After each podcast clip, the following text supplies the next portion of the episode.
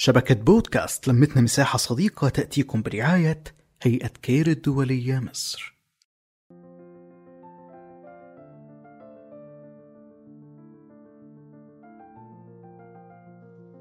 أهلا وسهلا فيكم بحلقة خاصة من بودكاست بصمة خير ضمن شبكة لمتنا مساحة صديقة أصواتنا قوتنا.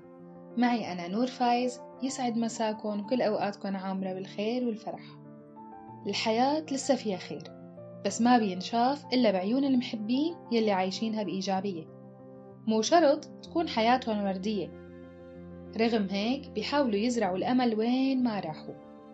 كتير من الناس بيوصفوهن إنه بايعين الدنيا بقشرة بصلة. وإذا ركزتوا منيح رح تعرفوا إنه هنن الصح وإنه الكل بيتمنوا يفكروا مثلهم ويرتاحوا ولو لوهلة واقع مفروض علينا نعيشه بالفرح والمنغصات الموجودة فيه. لهيك قرروا يشوفوا النص المليان من الكاسة ويتركوا النص الفاضي فيه. تخرجت وما قدرت توصل للماجستير. ظروف مادية منعتها أو بعد مسافات كان عائق لحركتها. وزيادة على هدول قرارات جديدة ومعقدة كانت هموم على عاتقها. العمل هون بالنسبة إلها إنها تدور على شغف وطموح تاني وما تبكي على الأولاني تزوجت بين بيتها وبيت أهلها خمس دقايق. والكل بيقلها حظك من وين؟ قامت مع ندهتي وينك يا أمي؟ بتكون عندك أسرع من غمضة الرمش للعين. وخلال فترة قصيرة صارت البنت الصغيرة بغربة أبعد ما يكون لحتى تلاقي الأمان يلي مفتقدت له. وتحاول تهرب من بركان الحرب يلي الكل عايش مثله. بس مع هيك القلوب ترابطت. إنه نقبل بالمستقبل والأمان وين ما يكون. ومن هاللحظات عرفت إنه حياتها رح تتأسس ببلد جديد وحب الأهل رح يبقى مخبى بالأعماق والوريد. على هالأساس رح نقيس كل شي قدامنا. نحاول نزرع قيمة الإيجابية فينا وبولادنا. نشوف الفرح بين ألف حزن ونشوف الأمل بقلب الألم. ونتفقد قلوبنا مع ناس بتحب السعادة وأجواءها. ونبعد الوجع والقصص الكئيبة عن عقولنا لحتى نبقى عايشين بالطاقة العالية ونساعد بعض لننسى كل شيء استمرينا فيه.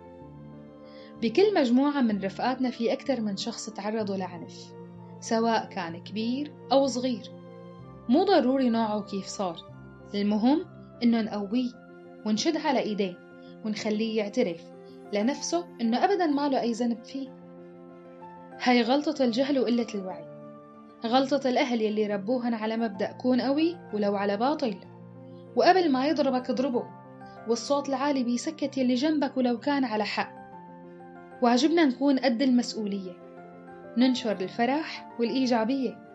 ونساعد يلي تعرض للعنف لحتى يوقف على رجليه ولو كانوا ظلامه ألف يكون قوي ونقوى فيه وما يتراجع عن حقه ولو كل العالم وقفت ضده.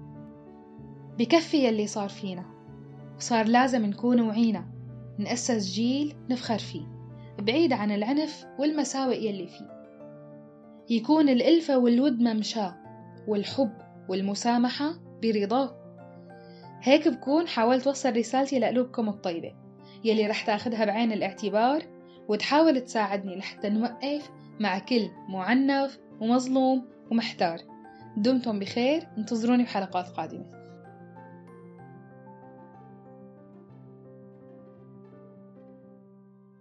نحكي نتشارك نتواصل.